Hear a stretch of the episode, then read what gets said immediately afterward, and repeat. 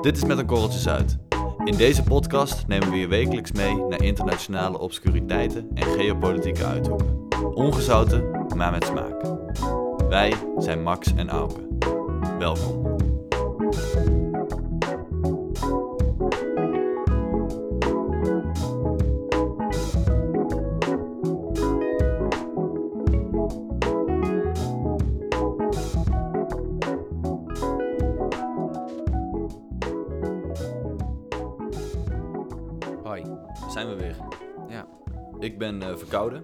Dus Mhm. eh, de excuses daarvoor, beste luisteraar.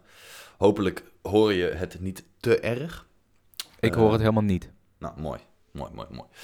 Ehm, Max, wij maken een, eh, een podcast over eh, ja, geopolitieke onderwerpen. Mhm. Dus eh, het is op zich wel duidelijk dat wij daar toch wel onze interesse in hebben liggen. En als het goed is, eh, vindt de luisteraar dat ook interessant, anders zouden ze niet naar ons luisteren. En nu dacht ik dat we eigenlijk een beetje een soort olifant in the room. Is dat een elephant in the room? Is dat ook een Nederlandse uitspraak? Een olifant in de kamer? Denk het niet. Denk Maar het maakt verder niet uit. Mensen zijn eh, internationaal georiënteerd. Ja. Die weten waar je het over hebt. Wij gooien er wel vaker Engelse woorden doorheen, want zo zijn wij. Ja. Ehm, De elephant in the room, eh, ja, daar dwalen we nog steeds een beetje omheen. Namelijk eigenlijk alles wat met kernwapens, kernkoppen te maken heeft. Ja, ja, ja. En dus dacht ik, laten we het dan daar vandaag maar eens over hebben. Mhm. Eh, Max, jij bent in Japan geweest. Ja. Eh, en ook in Hiroshima. Ook in Hiroshima. Hoe was dat? Eh, eigenlijk is het Hiroshima. Maar oké, dat, dat vergeef ik je dan even. Want jij bent natuurlijk een leek eh, wat dat betreft. Oh my god. Hoe was dat? Nou... Zie je daar veel van dat, het feit dat, dat daar een- Nee. een, kernbom is neergeflikkerd? Nee, nee, nee. Helemaal niet eigenlijk. Maar dat geldt voor alle Japanse steden. Kijk, Tokio is natuurlijk ook zwaar gebombardeerd. Mhm. Ehm, en e- eigenlijk zijn alle Japanse steden hyper eh, modern. Dus je merkt daar ja, in principe niets van. Het is dat daar een, een soort memorial ehm, museum eh, is. Ja. Eh, en er staat nog één gebouw overeind Mhm. van, vanuit die dagen. En het is een soort eh, geraamte alleen nog maar. Dus het is niet meer echt een gebouw. Ja. Ja, en in de- in de- natuurlijk word je in zo'n memorial eh, museum wel eventjes, eh, laten we zeggen, herinnerd aan hoe gruwelijk die, die actie is geweest. ja, want dat was maar er één. Ja, totaal onnodig natuurlijk ook. Ja, goed, dat geldt eigenlijk voor, voor de meeste van dat soort eh, acties. Beetje vergelijkbaar met Dresden, wat Churchill Ja, toen die, ja, ja. die carpetbombing eh, heeft ge ja dat, is, gepleegd. dat is wel lijp eigenlijk. hè. Want ik zat nog wat, eh, wat, wat cijfertjes over Hiroshima op te zoeken. Mhm. Eh, met hoeveel, hoeveel, hoeveel duizenden tonnen TNT daar, daar overheen is gegooid. Maar ook dat daar dus in Hiroshima... Even kijken. In Hiroshima zijn 135.000 doden gevallen. En in Mhm. Nagasaki nog eens 75.000. Ja. Allemaal burgerdoden, althans. Ja, het overgrote Ja, deel ja. lijkt me. Mhm. Ja, Ik bedoel, eh, dat zou toch linea rect tegen ieder, iedere vorm van hedendaags internationaal of oorlogsrecht indruisen. En dit Ja. waren niet de IS-strijders of zo die dat deden. Dit was de United States of America. Ja, ja, ik ga er wel een beetje vanuit dat er in die tijd nog geen wetgeving was voor, eh, nee. Voor nucleaire wapens. Wat trouwens nee, wel nee. interessant is, ze hebben er dus twee gekregen in Hiroshima en Nagasaki. Dat, dat weet iedereen. Maar er zijn dus Ja. ook mensen die hebben ze dus allebei overleefd. Ja, joh. Ja, van, ja, dat is een volgens mij bekende documentaire van de heer Yamaguchi. Die was dan op bezoek in Hiroshima bij, bij iemand. En toen kreeg Mhm. hij daar een atoombom eh, eh, over zich eh, heen. En toen, drie dagen later, ging hij terug naar Nagasaki, naar huis, zeg maar. Ja. En toen kreeg hij daar weer eentje. Wow.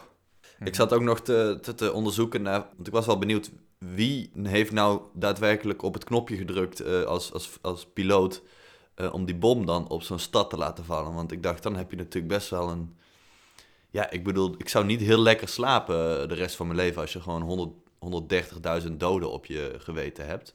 Mhm. Ik denk dat ze om die reden jou ook niet zouden vragen voor dat klusje. Nee, ehm, maar Thomas Farabee, als ik het goed uitspreek, die had daar niet zo'n moeite mee. Dat was gewoon een eh, Amerikaanse soldaat en die, eh, die, heeft die, eh, die heeft de atoombom op Hiroshima ehm, gedropt. En die heeft... daar hij is gewoon ook echt de man in het vliegtuig. Ja, hij is gewoon de man die, het- die het knopje in heeft gedrukt. Ik bedoel, je- ik weet niet of mensen...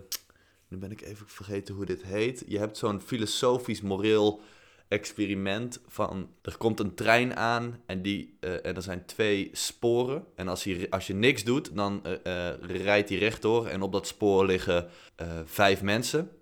Maar jij hebt de, de mogelijkheid om aan een hendel te, te trekken. En dan zou de trein naar het andere spoor gaan. En daar ligt één persoon. En dan is de vraag, zou je aan die hendel trekken? Dus dan moet je actief een handeling verrichten om dan die ene persoon ja, dood te laten gaan. Ja, ja, ja. In plaats van de vijf. Nou ja, hij heeft dus letterlijk een soort gelijke optie gehad. Ik bedoel, hij had in dat vliegtuig ook ervoor kunnen kiezen om ja, die bom maar niet te gooien. En dan met alle gevolgen voor hemzelf van dien. Mhm. Maar hij heeft ervoor gekozen om toch eh, die bom te gooien. En achteraf heeft hij daar nooit enige vorm van spijt eh, voor betuigd. In zijn Mhm. woorden, it was a job that had to be done. Ja. ja, ja. Ja, dat is ook een beetje het, eh, het, ja, het idee wat daaromheen hangt. Dat is gewoon, veel mensen zeggen dat, of ja, veel mensen zeggen, er is een, er is een groepje mensen dat zegt, ja, weet je, soms moeten er eh, om, om, om heftiger te voorkomen hele heftige acties eh, gedaan worden. ja. En ja, een atoombom is daar, is daar onderdeel van. Blijkbaar, uit alle moderne onderzoeken blijkt dat dat totaal onnodig is geweest. Ja. Nou ja, misschien dat hij zichzelf ook wel een soort leugen voorhoudt. Tot, de, tot aan zijn dood heeft hij natuurlijk heeft hij gewoon gezegd dat het, eh, het is gewoon een job. Moet gewoon Ja. gebeuren. Kom aan. Dat gedachte-experiment heet trouwens het trolleyprobleem. Maar dat is even een Ja, oh ja, trolleyprobleem. Ja. Ja, ja, lijp. Maar daarmee was, eh, was eigenlijk, dat was volgens mij, als ik het goed zeg, eh, Hiroshima Nagasaki ook meteen de laatste keer dat er echt een nucleaire aanval is geweest. En er zijn nog Mhm. wel heel vaak testen geweest. Zo heeft eh, de Verenigde Staten in, eh, in de Stille Oceaan op allerlei eilanden en atollen. eh, tot in de jaren 60, 70 eh, en 80 hebben ze daar atoomproeven gedaan. Dus gewoon eh, ja, letterlijk atoombommen op onbewoonde eilanden gooien. Mhm. Ehm, maar in enkele gevallen was die atoombom dusdanig zwaar dat ook bewoonde eilanden in de omgeving er ehm, ja, toch wel aanzienlijk schade onder leden. Ehm, maar, ja, ik zei het net al, 1945, Hiroshima Nagasaki was ook meteen de laatste keer dat er echt nucle- een nucleaire aanval is geweest. Ja, dat klopt. En er wordt, ik bedoel, er is een, een, een, een theorie of een gedachtegoed, een, een, een filosofie, geef het een naam, Een school of thought. school of thought, juist, die, ehm, die stelt dat dat, eh, dat dat heel makkelijk te verklaren is. Namelijk vanwege het feit dat daarna kwam natuurlijk de Koude Oorlog. Rusland en, eh, sorry, de Sovjet-Unie en Amerika gingen hun kernwapenarsenaal eh, opvoeren. En dan krijg je het zogenaamde Mutually Assured Destruction. En dat houdt in dat omdat allebei die staten van elkaar weten dat ze een dusdanig groot wapenarsenaal hebben, dat Mhm. als land A op de, op de rode knop drukt en een atoombom richting land B vuurt, Mhm. dat er meteen eh, door land B eh, op, op wordt gereageerd met een nog grotere lading atoombommen, die andere kant op. En eh, zo spint dat uit, out of control en heb je een ja, mutually assured destruction. Je bent er gewoon zeker van dat als jij begint met aanvallen, dat, allebei, dat jullie allebei er, er, er volledig aan toe gaan. Ja, is een beetje dat, die- dat, ja goed, dit is een beetje een vakterm, maar dat is dat neorealistische ja, gedachtegoed. Dat, dat hele geopolitiek, dat gaat natuurlijk eh, over het algemeen in de basis over veiligheid. Over oorlog natuurlijk. Ja. En bijvoorbeeld zo'n, zo'n, ja, die theorie wat jij net beschrijft, die komt eh, mede. Mede is die opgezet of bedacht door Kenneth Waltz. Dat is ook weer een, eh, een, Mhm. een, een, een, ja, een professor. Een, een slimme man die nadenkt over de verhoudingen in deze wereld. ja.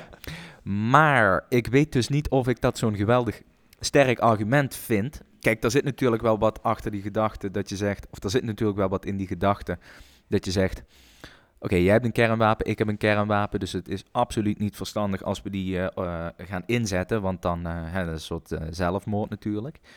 Maar om dat als verklaring te laten gelden dat er sinds de Tweede Wereldoorlog tussen democratische, uh, nee sorry, dat er tussen kernwapenbezittende landen geen oorlogen meer zijn geweest, ja. uh, is afgezien van het feit dat dat uh, niet helemaal waar is. Want Pakistan en India Hmm. hebben wel gewoon een conflict en die hebben allebei kernwapens. Eh, heb ik niet het idee dat je dat volledig kunt toeschrijven aan eh, het feit dat ja, landen kernwapens hebben. Er zijn toch zoveel andere factoren waarvan je zou kunnen zeggen, nou, dat, dat zou nou wel eens een keer een reden kunnen zijn dat we Mhm. elkaar niet compleet afslachten. Ehm, Ik noem bijvoorbeeld economische afhankelijkheid of eh, samenwerking, of geef het maar een naam. mhm. Ja, daarvan zou je toch ook kunnen zeggen, hey, dat is misschien een reden dat eh, Ameri- Amerika niet zo snel eh, een, een legertje stuurt naar een willekeurige andere grootmacht, omdat gewoon die Mhm. economieën veel te ehm, vervlochten zijn met elkaar. Mhm. Ja, ik denk wel dat dit, dit, dit mutually assured destruction een dusdanig... Kijk, er is niks heftigers dan eh, ja, de volledige verwoesting van jouw staat. Kijk, Mhm. eh, wat, dat, wat dat betreft heeft een economisch argument of een, of een sociaal argument, een cultureel argument, omdat je het toch ja, liever het, het Rode Plein in Moskou behouden wilt hebben. Daarom gooi je er geen bom op. Ik bedoel, dat zijn natuurlijk allemaal veel, veel zachtere omstandigheden. Dat, Mhm. dat, dat mutually assured destruction is gewoon het allerheftigste argument. En daarom zeggen ze, ja, om, ja, Dus het, het idee, zoals ik net zeg, maar ik ga mezelf herhalen, dat eh, landen elkaar niet bestoken met kernwapens, omdat ze dan weten dat, ze de, dat daar eh, een bepaalde reciprociteit in zit. Namelijk, je krijgt een kernbom terug op je, ja, op je gezicht. ja. Dat dat inderdaad een reden is dat dat niet gebeurt. Ja, maar de vraag is of je eh, internationale vrede, zoals we die nu al in ieder geval in de westerse wereld heel lang hebben, of je die volledig moet toeschrijven aan het dan wel dan niet hebben van, Mhm. van kernwapens. Ja, ik denk dus dat dat zeker wel een belangrijk, eh, ja, toch wel een belangrijk punt is. Maar, en dit heb ik ook al wel eens eerder gezegd, het is natuurlijk niet een heel gezellig eh, argument. Want het is ook niet heel leuk om te weten dat er in Europa eh, x aantal kernkoppen paraat liggen en die ieder moment richting Rusland of Iran of waar dan ook eh, geschoten kunnen worden. Mhm. En dat Rusland hetzelfde richting ons heeft staan. Dat is allemaal niet heel leuk. Maar het zorgt voor een soort. eh, ja, een soort.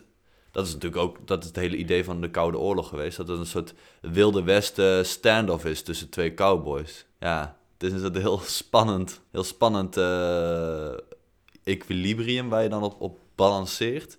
Mhm. En het idee is dan dat een staat wel iets rationeler denkt dan een individueel persoon. Dus een staat die zal niet zo snel vanuit emotie handelen. Dat zal altijd wel doordacht zijn en aan de hand van adviseurs en omdat er zoveel meer mensen bij betrokken zijn en er ook veel meer consequenties zijn, wordt ge- gedacht, maar daar, daar valt heel lang over te twisten, dat een staat eh, ja, rationeel handelt. En wat dat Ja. betreft is een, is Maar dus kijk, een rationali- heel, heel prima. Mhm. Maar ehm, dan neig ik toch weer naar eh, het volgende argument, namelijk dat rationaliteit in de besluitvorming van landen ook vaak precies de reden is dat er bijvoorbeeld aan de andere kant van de wereld of in marginale groepen binnen de, binnen de eigen landsgrenzen soms eh, eh, toch dingen gebeuren waarvan je zou zeggen, nou als je uit emotie zou handelen, dan, dan, zou het, dan zouden de verdelingen misschien iets vriendelijker zijn. Ja, wat hoe bedoel je dat precies?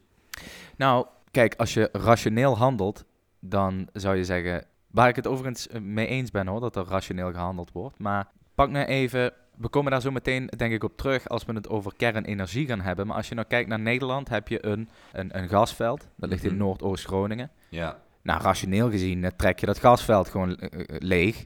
Dan zeg je tegen die Noordoost-Groningers, eh, ja, eh, vriend, eh, met alle respect, maar we willen gewoon dat geld hebben. Daar krijgen jullie vast en zeker ook Mhm. wel een vergoeding van. Maar met alle rationele overdenkingen van dien, Mm. eh, moeten jullie gewoon je kop houden en gewoon, ja, jullie hebben pech. Nou ja, is, Terwijl dat, als je is nou- dat het meest rationele? Want het is natuurlijk wel gewoon zo dat Nederland een democratie is. En dat als je dat zou... Kijk, als het een autoritair regime was geweest, dan was dat inderdaad het meest rationele. Maar aan het einde eh, van de rit zijn er gewoon verkiezingen. En als je dan al die Groningers eh, uit hun huis hebt geflikkerd... Ja, dan ga je daar toch electoraal waarschijnlijk wel op verliezen. Die zullen Nee, niet dus dus wat je- op jou stemmen. precies. Precies, dus wat je moet doen is je moet eigenlijk gewoon dat gas blijven winnen. Maar ondertussen eh, wel alles in de soort PR-omgeving Mhm. eh, eraan doen om die mensen en vooral ook de mensen die niet in Groningen wonen, maar die dus meeleven met de mensen die boven die gasbel wonen en allemaal schade hebben aan hun huis, om Mhm. die eh, rustig te houden. Ja, ja je, moet je, balans, ja, je moet daarop balanceren. En dan, Ja, maar dat, dat is toch ook dat is toch rationaliteit?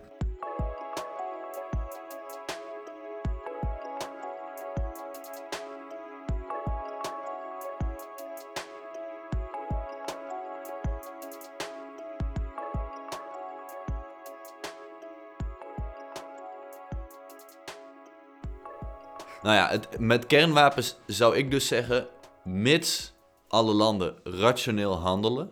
Maar ja, dat is een hele grote, eh, ja, zit een groot vraagteken achter. Mhm. Dan is het best prima dat we allemaal een kernwapentje hebben. En die op elkaar richten. Maar dan moeten we wel allemaal rationeel handelen, anders loopt het helemaal Maar wat is dan rationeel handelen? Nou, dat je dus weet dat ehm, zodra ik hem afvuur, jij hem naar mij afvuurt en we allebei eh, ja, ons eigen graf gegraven hebben. Mhm. En dat, is, dat wil je niet. Dus je handelt rationeel naar je eigen belang. En je wil niet zelf eh, in een graf eindigen. Toch is de wereld er wel op een bepaalde manier over uit dat kernwapens niet heel, heel goed zijn. En dat we daar toch misschien stapsgewijs vanaf moeten. Ik bedoel, ja, we proberen al, al decennia lang om eh, Noord-Korea ervan te overtuigen om geen kernwapens te bouwen, of ze af te breken, of ze in te leveren. Tot nu toe nog eh, met weinig succes. Maar we hebben wel met z'n allen in de jaren 60, 70 het eh, Non-Proliferation Proliferation. ja, Non-Proliferation Treaty getekend. Zelfs de Amerikanen en de Russen. Mhm. En die hebben het geratificeerd en alles, fantastisch. En wat staat daar nou in? Dat is mooi. Dat alle landen die dat getekend hebben, die beloven dat ze hun kernwapenarsenaal gaan verkleinen. Ja, dank Ja. je de koekoek, hè.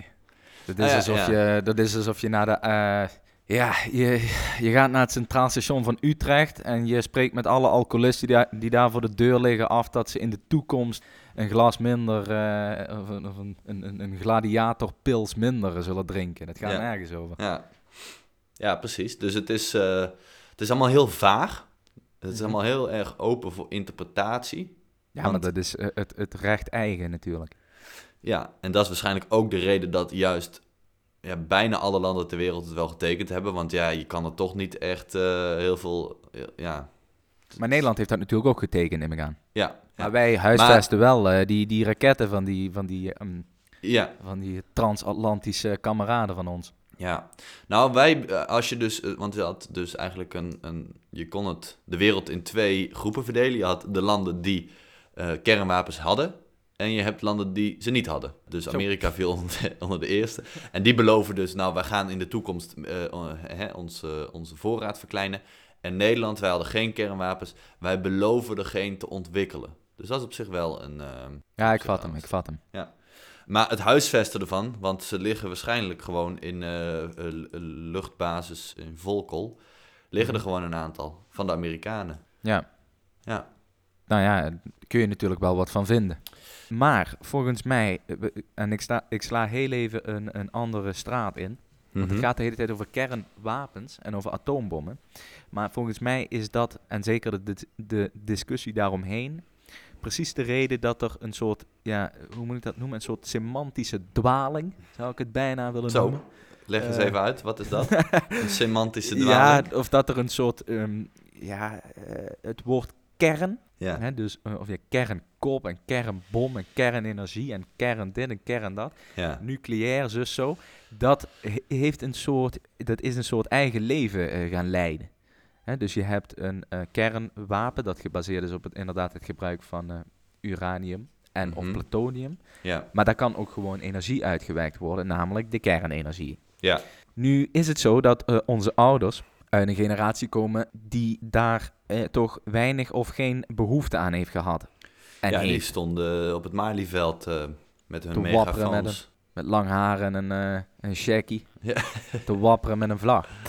Daar waar misschien de nieuwe generatie zoiets heeft van... Ja, pff, het, zal me, het is mij allemaal om het even. Kernenergie, eh, laat maar komen. Ja, En dat, ja. Ja, eh, ja, ik ben op zich wel voorstander van kernenergie. Ehm, want ik denk dat eh, de generatie van onze ouders eh daar natuurlijk als de dood voor was, gezien wat er in eh ja, Tsjernobyl gebeurd is. Maar ook wat je Mhm. zegt, die hele connotatie die om kern hangt. Dat is Mhm. gewoon een soort griezelig sfeertje. Ja. En daar heeft natuurlijk in 2011 die, die, eh, die ramp in Japan, die Fukushima, ja, eh, wat was het ook alweer, de, die meltdown, Ja, die heeft daar natuurlijk nog een schepje bovenop gedaan. ja, Ja, de media vermeldt daar dan natuurlijk niet bij dat er uiteindelijk één iemand is gestorven aan, ehm, ja, volgens mij was het longkanker of, of, of, of Ja. leukemie of weet ik veel. En dat is natuurlijk erg, maar dat, dat staat misschien niet helemaal in verhouding tot de angst die we hebben voor, Mhm. voor zo'n kernramp. Is eigenlijk vergelijkbaar met dat coronavirus wat we nu hebben.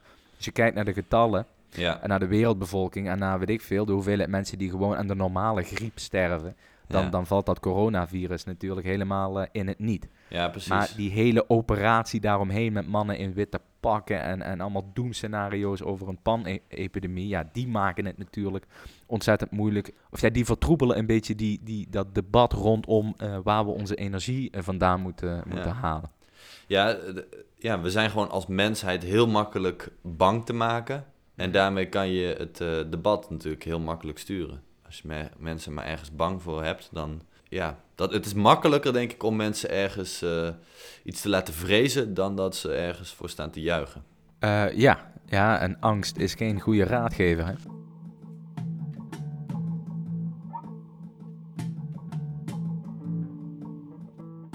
Als we het daarover hebben, kijk, kernenergie is gewoon, ja, ten eerste is dat hartstikke schoon in de zin dat daar geen CO2 bij vrijkomt of heel erg weinig. En dus zelfs het IPCC, nou, misschien dat nu een paar discussies door elkaar lopen, maar goed, laten we even proberen daar enige helderheid in te scheppen. We hebben dus dat CO2-probleem, Ja, uitstoot van allemaal rotzooi. Nou. Dat willen we dan niet. Ja, klimaatverandering, nou, we kennen het allemaal wel. Dat willen we dan allemaal niet. Dus we moeten naar sustainable eh, energy of renewable energy, of weet ik veel eh, hoe ze het noemen. Hoe noemen we dat? Her hernieuwbare energie? Schone Eh, energie. schone energie. Groene energie. Groene energie. Ja, Ja goed, dat is allemaal prima. Maar zelfs het IPCC zegt dat die klimaatdoelen niet gehaald gaan worden mhm.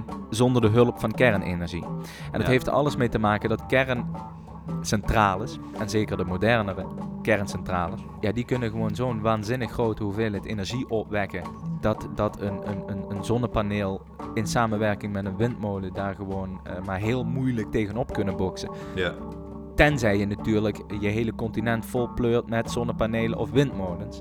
En Nederland is nou net een land waar gewoon ontzettend weinig plek is. Dus dat is probleem nummer één. Nou, dan zou je kunnen zeggen, dan zetten, we, ze- dan zetten we ze in de zee. Maar ja, dingen in de zee zetten, dat is natuurlijk duur. ja. Dat wil natuurlijk niet zeggen dat kernenergie niet duur is. Maar ja, goed. eh, Het is gewoon efficiënter. Daar komt het op neer. Toch? Het is Ja, het- efficiënter en er is relatief eh, weinig afval in vergelijking met eh, ja, kolencentrales.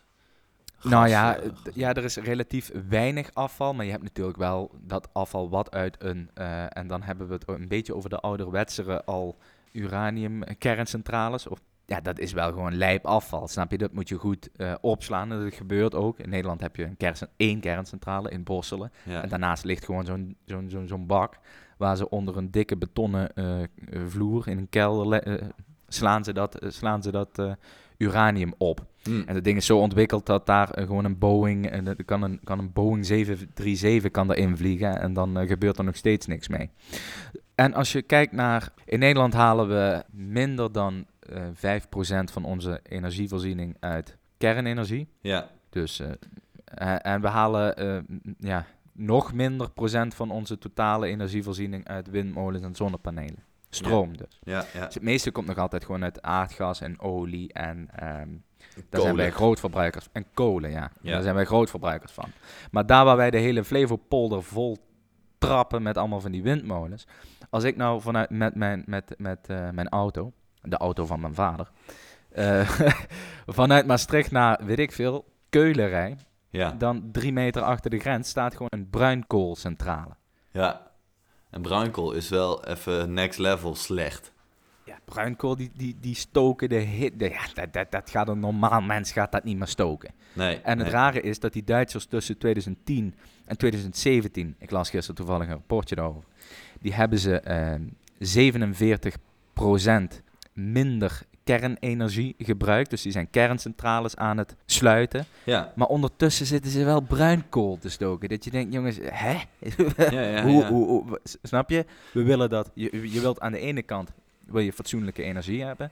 aan de andere kant wil je dat CO2-probleem verminderen. En aan het derde, um, derde aspect is dat het allemaal niet zoveel moet kosten. Ja, ja, en in Duitsland is het ook nog eens dat dat een uh, direct resultaat is van die ramp in Fukushima. Toen hebben ze gezegd, oei, het is toch wel heel gevaarlijk, zo'n uh, zo'n kerncentrale. We gaan die sluiten en we gaan meer bruinkool stoken. Terwijl, ja, dat, dat, wat je zegt, dat heeft helemaal te maken met die, met die angst die eromheen hangt.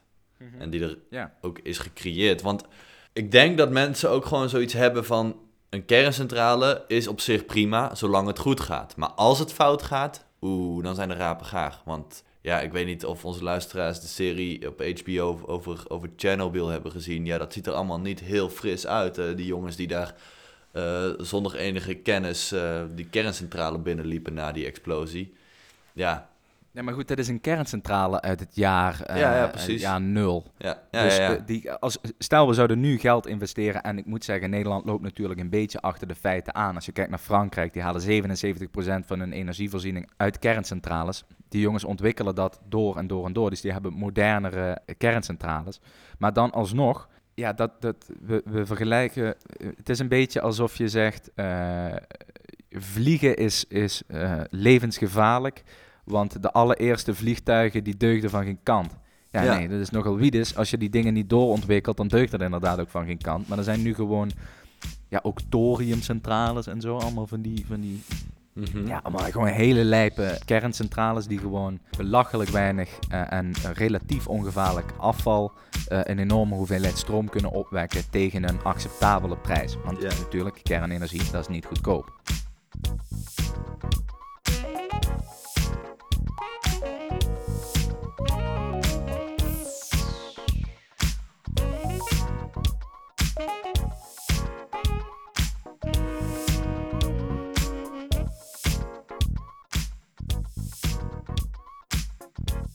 Even over dat debat. We moeten hier natuurlijk een beetje hand in eigen boezem steken, want zoiets als kernenergie of energie überhaupt, dat is totaal ons. Eh, ten eerste is dat helemaal ons pakkie niet aan.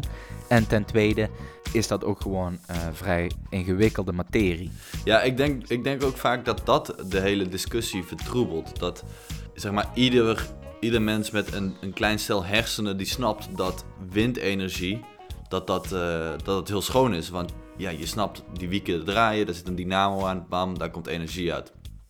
Easy peasy.